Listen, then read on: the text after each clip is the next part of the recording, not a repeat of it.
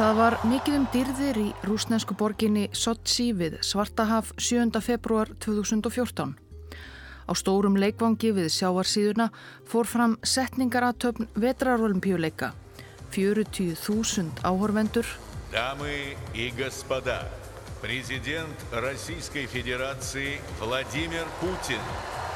Vladimir Putin, rúslandsforsetti þeirra á meðal, fylgdust með íþróttafólki 88 landa veifa fánum sínum brosandi og stolt. Græs! Grís! Grecia! Australí! Ekki voru þó allir jafn ánægðir með ólimpíudýrðina. Í aðdraganda setningaratafnarinnar hafi verið mótmælt víða um heim við sendiráð Rúslands. Mótmælendur voru að vekja aðtegli á því að fyrir einmitt 150 árum hefði borgin sem þarna skein af ólimpíu metnaði og landsvæðið í kring þar sem íþróttakappar myndu senn leika listir sínar á skýðum og sleðum verið vettvangur ólýsanlegra voðaverka, raunar, segja flestir, þjóðarmorðs. Og það voru rússar sem nú böðuðu sig í glæstu olimpíuljósinu í Sochi sem borið höfðu ábyrð, slátrað hundruðum þúsunda og rekið úr landi sínu.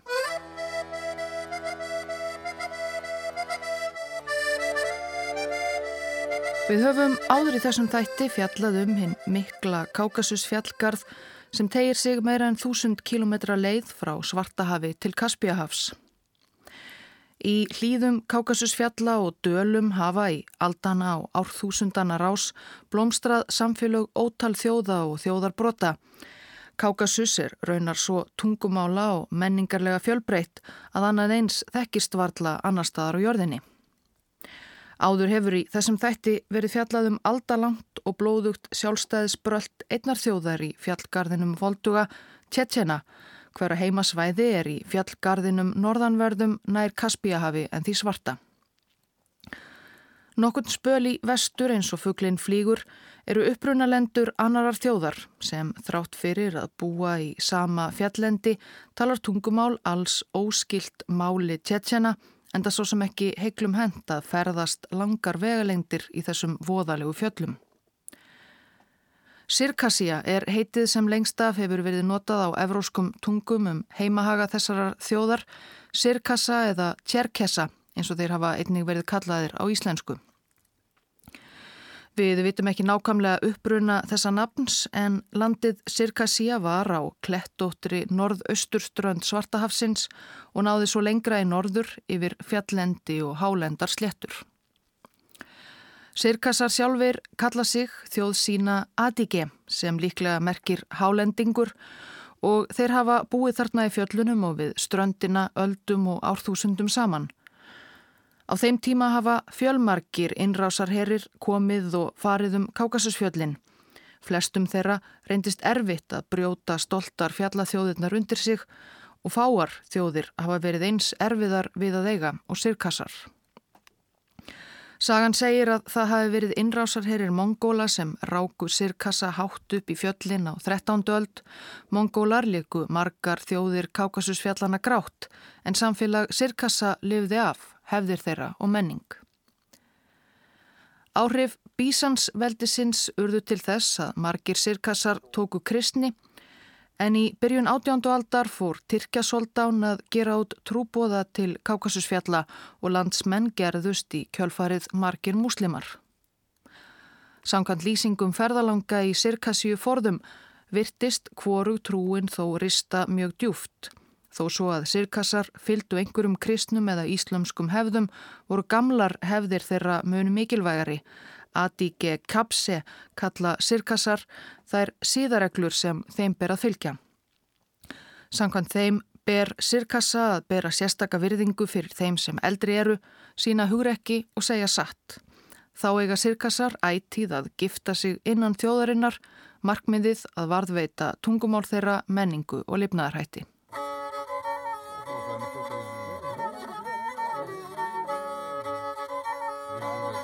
Norður af Kákasusfjallgarðinum er Rúsland og hefur gengið á ímsu í sambúð rússa og Kákasusstjóða í aldanar ás. Á átjöndu öld á valdatíð Katrínar Miklu fóru rússar að girtnast svæðið fyrir alvöru, strendur Kaspia og Svartahafs og Kákasus fjallgarðin þar á milli, enda myndaði það eins konar mörg á milli veldis rússa og annars stórveldis, Tyrkjaveldis.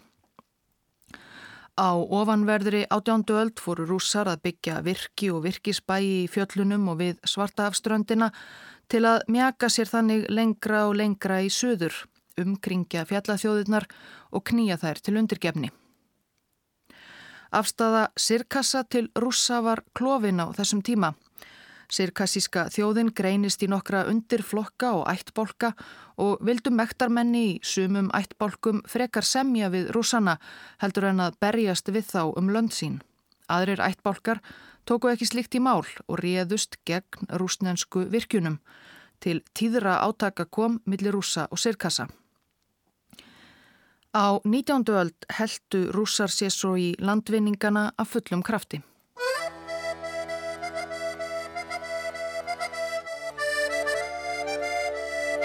Franski listamæðurinn Eduard Marini ferðaðist um Kaukasus árið 1818 og gaf síðar út ferðasögu sína.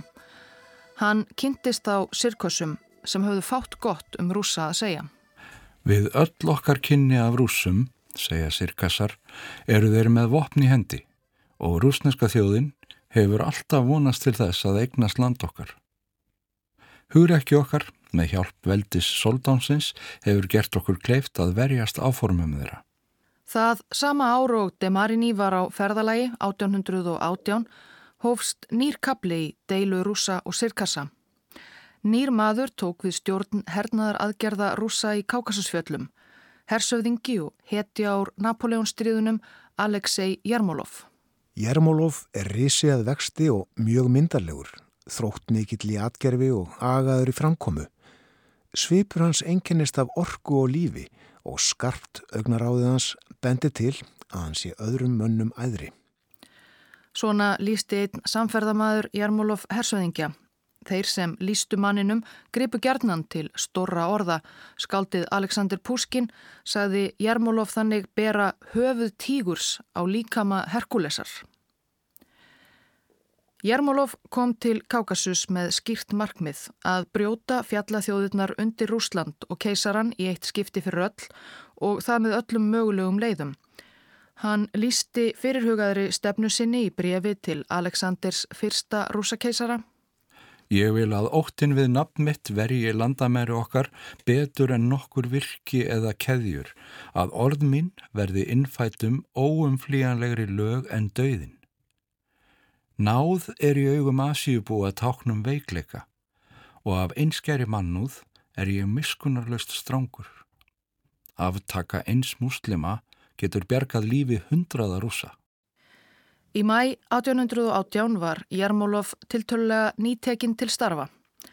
Fimm sirkassar gerðu skæru árás á landamæra varðstöð rúsa og hörfuðu svo inn í sirkassíska þorpið Tram.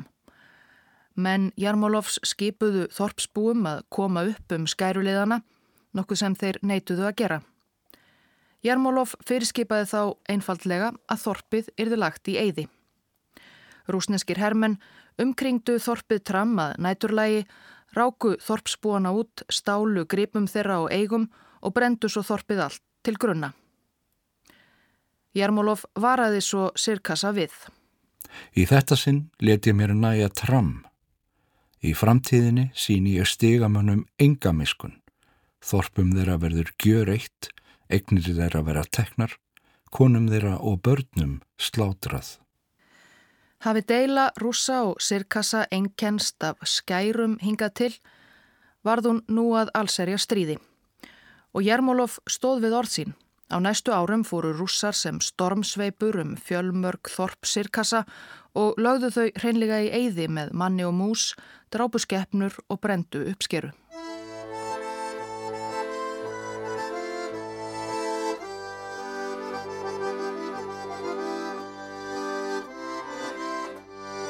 Árið 1828 til 29 háðu rússar og tyrkir stríð sem laug með fríðarsamningi kendum við borgina Adrianopol eða Edirne.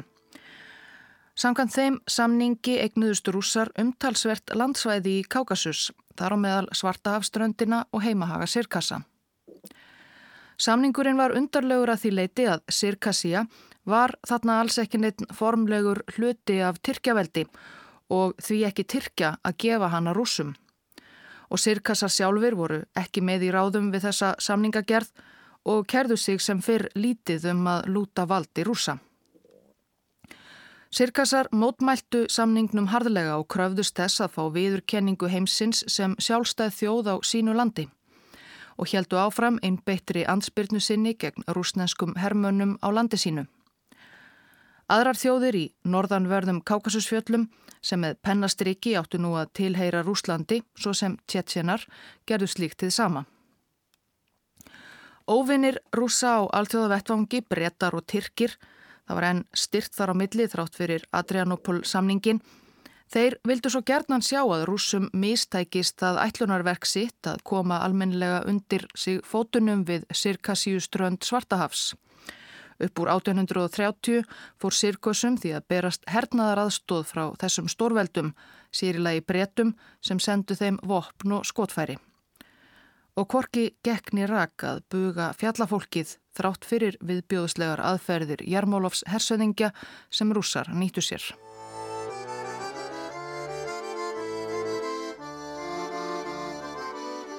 Á 1833 tók nýr rúsneskur herfóringi við hinnum langdregnu aðgerðum í Sirkassju, Grígori nokkur Sass.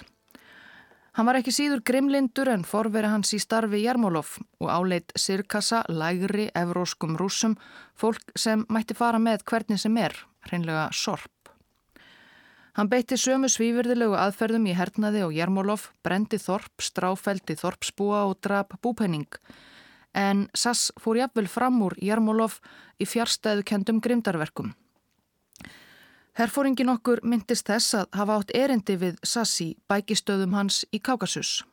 Þegar við komum inn á skrifstofu hersöðingjans mætti okkur einhvers konar óþólandi ólikt. Sass hló og batt enda á undrun okkar með því að segja okkur að menn hans hefðu sett kassa af höfðum undir rúmiðans. Hann dró fram stóra kistu með fjölmörgum höfðum sem störðu á okkur rillilega glaseigð Hvað eru þau að gera hér, spurði ég. Ég ætla að sjóða þau og hreinsa og senda þau svo til vina minna í Akademíunni í Berlín. Sass sögð ekki bara sirkassíska hausa, heldur sótti einnig innblástur til Valakju fyrstans Vlads stjaksetjara sem einnig er þekktur sem Dracula og kom höfðum fyrir á stikum á hæðun okkuri til að vekja óta með ofinninum.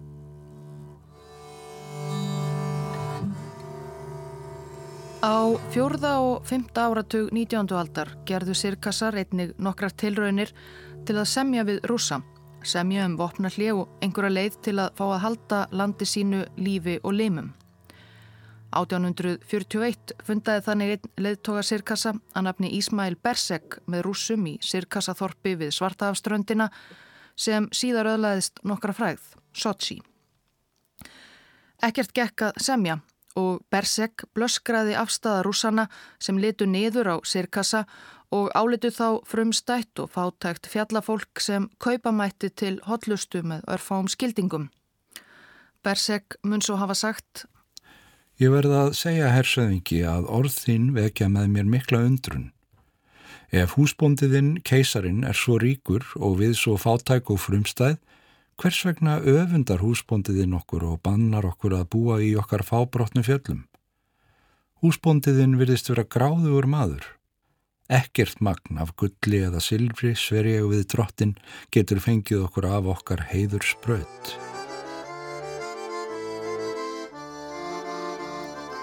Á árunum 1853 til 56 háðu rússar annað stríð við Svartahaf við talsvert öflugri óvinni, breyta, frakka og tyrki. Stríðinu sem kent er við Krímskaga en snýrist þó um margt annað en bara þann skaga, lauk með Parísar samningnum sem undirritaður var 30. mars 1856. Samningurinn kom ítla út fyrir rúsa þar sem meðal annars var hveðið áum að rússar mættu ekki sigla herskipum sínum á Svartahafi. En þar var líka aftur gert ráð fyrir því að Sirkassia væri rúsnest yfiráðasvæði þó svo að fulltrúi breyta í samningaviðræðunum færi fram á að landsvæði fengi sjálfstjórn. Krímstríðið var rúsum niðurlæging en þeir gáttu alltjent haldið ótröðir áfram að reyna að leggja undir sig Kákasusfjöllin. Árið 1857 mótaði Dimitri Miljutín, ráðgjafi Barjatinski sem þá var landstjóri rúsa í Kákasus, nýja stefnu í málefnum hins róstu sama norð-vestur hluta fjallana þar sem sirkasar byggu og virtust ekki ætlað að gefast upp sama hvaða grimd þeir voru beittir. Ef ekki væri hægt að sigra þjóðina og fá hana til að fallast á rúsnesk yfiráð, hugsaði Miljutín, er þið hreinlega að fjarlæga hana, hreinsa svæðið alfarið af sirkusum. Miljutín bjóð til stefnu sem gekk út á að rekja sirkassa kerfisbundið frá heimilum sínum og koma þeim fyrir annar staðar. Síðan gætu heiðvirðir rússar tekið upp búsetu í landi þeirra. Það varð fljótti viðtekinn skoðun meðal rúsneskra herfóringja og valdamanna að þetta væri það besta í stöðunni eftir áratugi af skærum. Ómögulegt væri að eiga við fjallafólk Kákasusins og Sirkassa nema með miklu valdi. Í oktober 1860 funduðu æðstu herfóringja rúsa í Kákasus og byggu til áætlunum að flytja alla sirkassísku þjóðina til Tyrklands. Tyrkjasoldán fjælst á þennan ráðahag. Sirkassar voru jú múslimar, alltjent svona nafninu til og Tyrkjum fannst það fín hugmynd að koma þeim fyrir í þeim hluta Tyrkjaveldis þar sem kristnir voru í meiri hluta. Rússar beittu í kjölfarið ímsum leiðum til að hrekja Sirkassa af heimilum sínum og fá þá til að fara yfir til Tyrklands. Sirkusum sem ferðuðust þangað var bannað að snúa heim og svo framvegs. En eitt höfuð atriðið í síðum sirkasísku þjóðarinnar er landið, tryggð við heimahagana og fjöllin. Svo það reyndist erfitt sem fyrr að losna við sirkassa.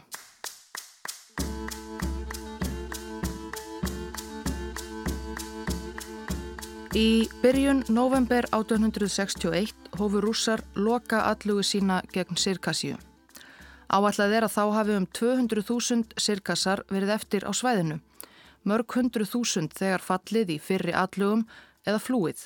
Nákvæmlega hver margir er ekki vitað en einhverjir áætla að fyrir ófriðin við rúsa hafi sirkassar verið á bylinu 1-2 miljónir talsins. Á þessu stímálsins hafi rúsum tekist að sigra eða fá á sitt band lang flestar þjóðir Kákasusfjalla, jafnvel hinn að stoltu tjetjena. Sirkassar stóðu einir eftir gegn heimsveldinu. Nýr harður harðstjóri var tekin við taumunum í Kákasusfjöllum, hersöðingin Nikolai Jevdokimov og líkt og forverar hans ætlaði hann ekki að taka sirkassan einum vellingatökum. Sirkasískir erindrekar höfðu reynda vekja aðtekli á málstað þjóðarinnar undan farin ár og sirkasar áttu sér nokkra málsvara í Evrópu, ekki síst í Breitlandi. Orðin sirkasía og sirkassi höfðu þarna á sér ákveðin ævintýrablæ á Vesturlöndum eins og svo sem Kákasusfjallgarðurinn allur og íbúar hans. Það orð fór meðal annars af sirkassískum konum að þær væru öllum öðrum konum feguri. Það dögði þó ekki til. Aldrei kom svo eindregna aðstóð sem sirkassar fóru fram á frá bretum eða öðrum. Jevdokimov hersöðingi ótaðist samt mjög að bretar myndu koma stað fyrirætlunum hans um að tæma sirkassíu af sirkossum og reynaði að grýpa inn í. Svo mjög að hann vildi ganga eins hratt til verka og mögulegt væri af slíkum hraða og ofsaraunar að mönnum hans blöskraði þegar þeim var skipað að brenna og leggja í rúst hvert fjallathorpið á fætur öðru og fengu varlað að blása úr nös á milli. Það láfið uppreist í hersveitum hans þarna 1861 en Jevdokimov let sér fátum finnast. Leifið þeim þá að drepast við vinnuna mun hann hafa sagt um hermenn sína sem kvörtuðu undan ofreynslu. Fjöllin voru þakin líkum ofinnarins. Svo skrifaði Ívan Drostov, rúsneskur hermaður, síðar meirum aðgerðir rúsa gegn sirkossum sem hann sjálfur tók þátt í sumarið 1862. Fjallamennirnir snýru við og lögðu á allserjar flóta, skildu vopsinn, hesta og særða eftir á veginum. Óvinnurinn beigð mikinn skada allstaðar. Í okkar hersveit fjallu ekki nema um 30, en meðal fjallamanna voru alltaf 300 dauðir eða særðir. Lík látina og særðra fjallamanna lág á víð og dreif nærri bækistöðum okkar. Svona held þetta áfram dögum saman. Líkin sem lágu undir kákasussólinni fóru að rótna og fnikurinn í búðum okkar var svo mikill að það varð illmögulegt að anda. Frakkin okkur að Fonville var á ferðum sirkassísku fjöllin um þetta leiti og varð vitnið að ströymi flótafólks sem tilherði sirkassíska ættbálkinum Absaka. Á vegi okkar urðu margir flokkar Absaka á flóta undan rúsunum. Ástand þessa vesalingsfólks var ömurlegt. Varla klætti neitt nema tötra, rak það á undan sér litla fjárhópa sína einu næringu. Karlar, konur og börn fyldu þegjandi og leituð vanærða hesta sem báru borðbúna þeirra og annað sem þeim hafi tekist að hafa með sér. Svo mikill var sulturinn að auðmingja íbúarnir í neðsinni átu laufin af trjánum. Í þessari miklu örbyrð gauðs upp flekkusótt sem var hræðilega mörgum að aldur til það. Hungrið var hryllilegt og margar vesalingsálir sultu til bana en við gátum ekkert hjálpað fjallafólkinu. Við sjálfur vorum í afar báu ástandi án matar og húsaskjóls. Við sváum oftast í skóginum og undir klettum og lendum í allskynns vondum veðrum.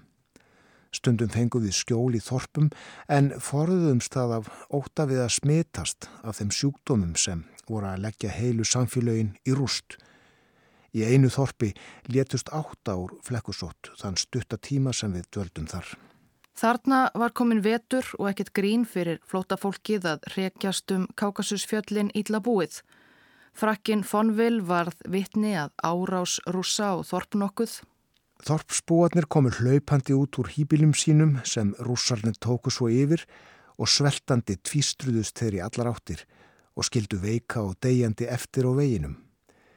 Það kom fyrir að heilir hópar flótamanna frusu til bana eða hurfu í kavalt spil og ofta á leið okkar sáu við blóðu að slóð þeirra. Úlvar og byrnir grófu niður í snjóin og drófu líkin upp.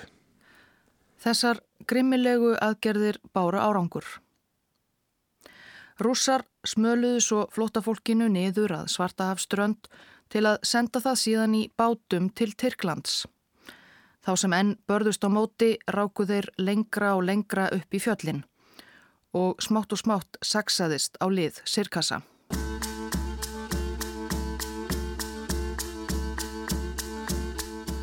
27. mæ 1864 réðust rússar gegn sveit Sirkassa á slettu sem þeir sjálfur kölluðu Kubata. Þetta varð loka orustan í stríði rússa og Sirkassa, loka tilraun heimamanna til að hrekja einrásarherin á brott. Sirkassíski sagnarétarin Sjákett lísti orustunni á Kubata slettu. Þetta hrjóstruga fjallendi var síðasta víð og konur og börn söpnuðust saman til að berjast gegn sókn rúsa. Konurnar kostuðu skarkripum sínum í ána, gripu til opna og gengu til liðsvið karlana til að berjast til síðasta manns fyrir heimalandið og heiðurinn, frekar en að verða fangar rúsa. Liðin tvö mættust í hryllilegum bardaga sem verðað fjöldamorði. Markmið sirkassa var ekki að sigra, heldur að deyja með sæmt og segja skilið við líf sem orðið var vonlaust. Í bardaganum var konum og börnum slátrað án vægðar og blóðið flætti út í árnar svo sagt var að líkina látnu syndu í blóð hafi. Og þrátt fyrir þetta voru rússarnir ekki búinir að fá nóg. Heldur fylgdu eðlis ávísun sinni og notiðu börn sem komist lífsaf sem fallbissu skotmörk. Eftir að ám Kubata sléttu var breytt í blóðfljót lísti Jevdokimov hersöðingi formlega yfir Sigri á Sirkosum. Og annan júni blés hann til mikils Sigurfagnaðar. Rúsnenskir hermenn gengu fyltu liði um löndinnar Sigruðu þjóðar og mikil veistla var haldinn einmitt á Kbata sléttunni þar sem síðustu varnarliðar Sirkassíu höfðu fallið. Nokkrum árum síðar, þegar rúsneskir landnemar komu sér fyrir á sléttunni, funduður henni nýtt nafn. Þeir nefndu hana Rauðu sléttu vegna blóðsins sem þar hafi runnið nokkur áður.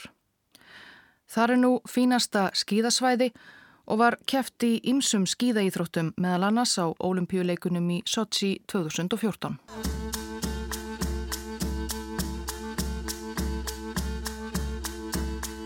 En á meðan rússarnir fögnuðu sigri byðu 2000 flótamanna örlaga sinna niðri við Svartahafströndina að vera sendt burt úr landi sínu. Aðstæður flótafólksins sem flest hafið þurft að flýja alls löst og hafðist nú við undir berum himni með lítið smekkjart milli handana voru ömurlegar. Jafnvel rússum á svæðinu blöskraði eins og sagnarítaranum Adolf Bersje sem varð vitni að ömurlegu hlutskipti flótafólksins á ströndinni. Ég gleymi því aldrei hvernig fjallafólkið komir fyrir sjónir í Novorossik-flóa þar sem 17.000 hafi verið sapnað saman á ströndinni. Þetta var síðla árs í kulda og yllviðri.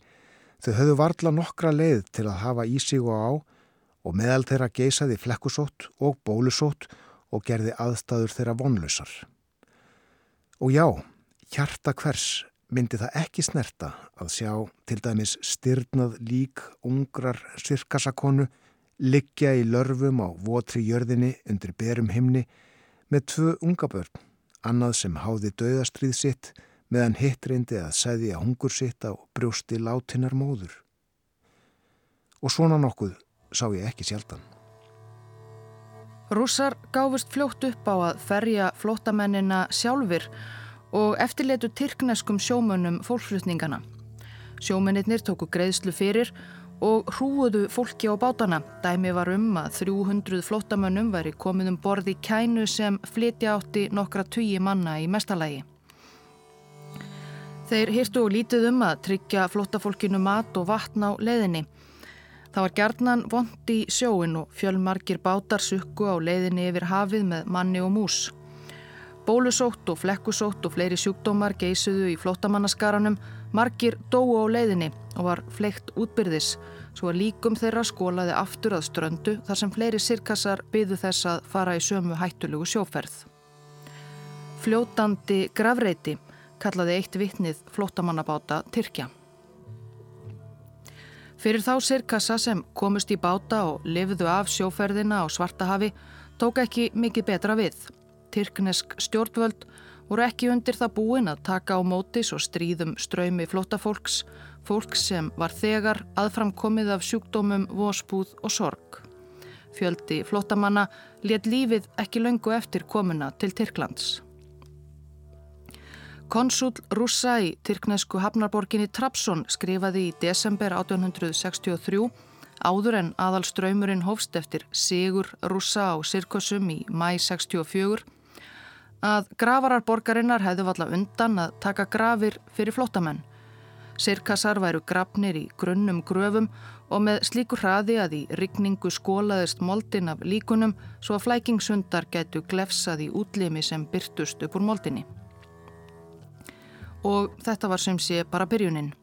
Í mæ fóru sirkassar að streyma með bátum til Trapsson í 2000. tali sem og til annara tyrkneskara borgra þar sem beigð þeirra lítið annað en eimt.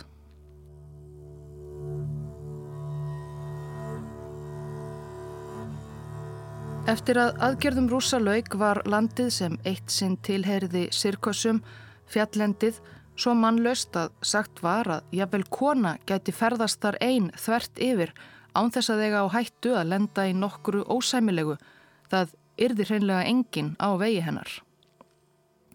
Líf fór þó smátt og smátt að færast yfir landið að nýju, sérstaklega við ströndina þar sem rúsneskir landnemar settu stað. Enda Kákasusfjöllin að endingu orðin alveg rúsnesk.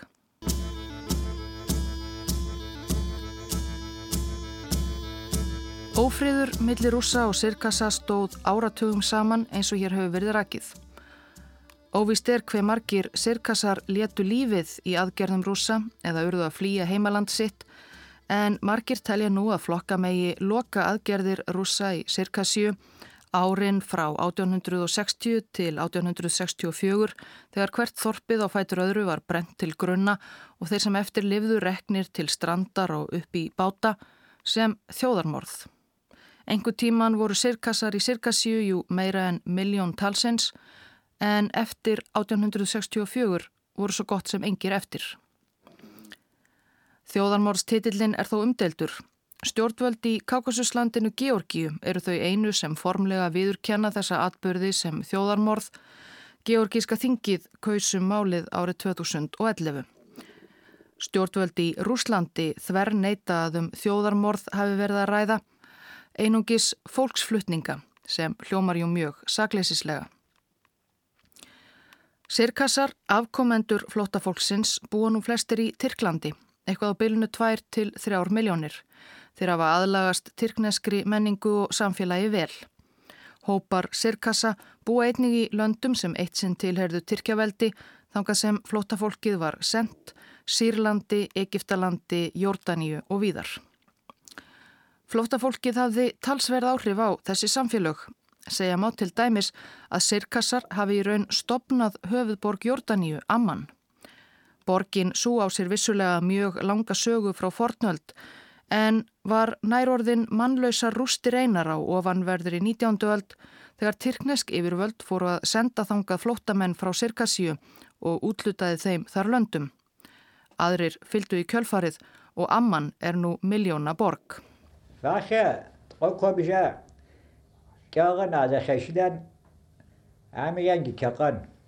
Við heyrum mann okkur mæla á sirkasíska tungu eða málískuna Úbík.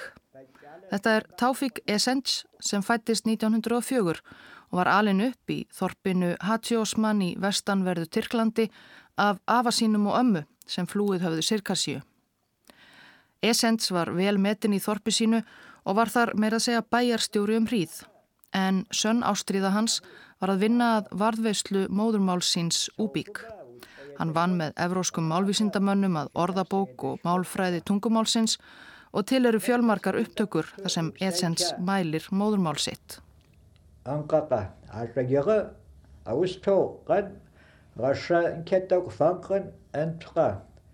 Essens var þegar leið á æfina sá síðasti í þorpinu Hatjósmann sem átti úbygg að móðurmáli og raunar líklegast sá síðasti í Tyrklandi og heiminum öllum sem enn talaði þetta einstaka tungumál sem rússar höfðu gert svo mikið til að útrýma. Táfík Essens lést 88 ára gamal 7. oktober 1992. Nú ert að þú sem ert tungumálið úbík, skrifaði hann í síðustu skilabóðum sínum til eins málvísindamannsins sem hann hafi kent málið. Kent þú heiminum það. Hér líkur sögu úbík. Útbreytan razraka, sæjafin ákvöldaqið. 21. mæ ár hvert minnast sirkassar um heim allan þjóðarmórsins. Rúsnenskir þjóðarnissinnar halda sama dag hátíðlegan af annari ástæðu. Borgin Sochi við Svarta haf og skamt frá blóðvöllum rauðusléttu þar sem sirkassar háðu sína loka orustu hefur blómstrað undir rúsneskum yfirráðum en það veður farðar almennt gott og strendur Svartahafs ómótstæðilegar. Þar búa nú meira en 400.000 manns og miljónir heimsækja borgina á ári hverju. Þekktasti aðdáandi Sochi er eflaust Vladimir Putin rúslandsforsetti sem á þar glæsilegt orlofshús og býður gjarnan til sín erlendum fyrirmönnum. Hann var því kampakátur á olimpíuleikunum í borgsinni 2014 sem einmitt var 150 árum eftir loka allugu rúsa gegn upprunalegum íbúum Sirkassíu 1864. Og einhver mótmæli Sirkassa og stuðningsmanna þeirra hyrti hann alls ekkert um.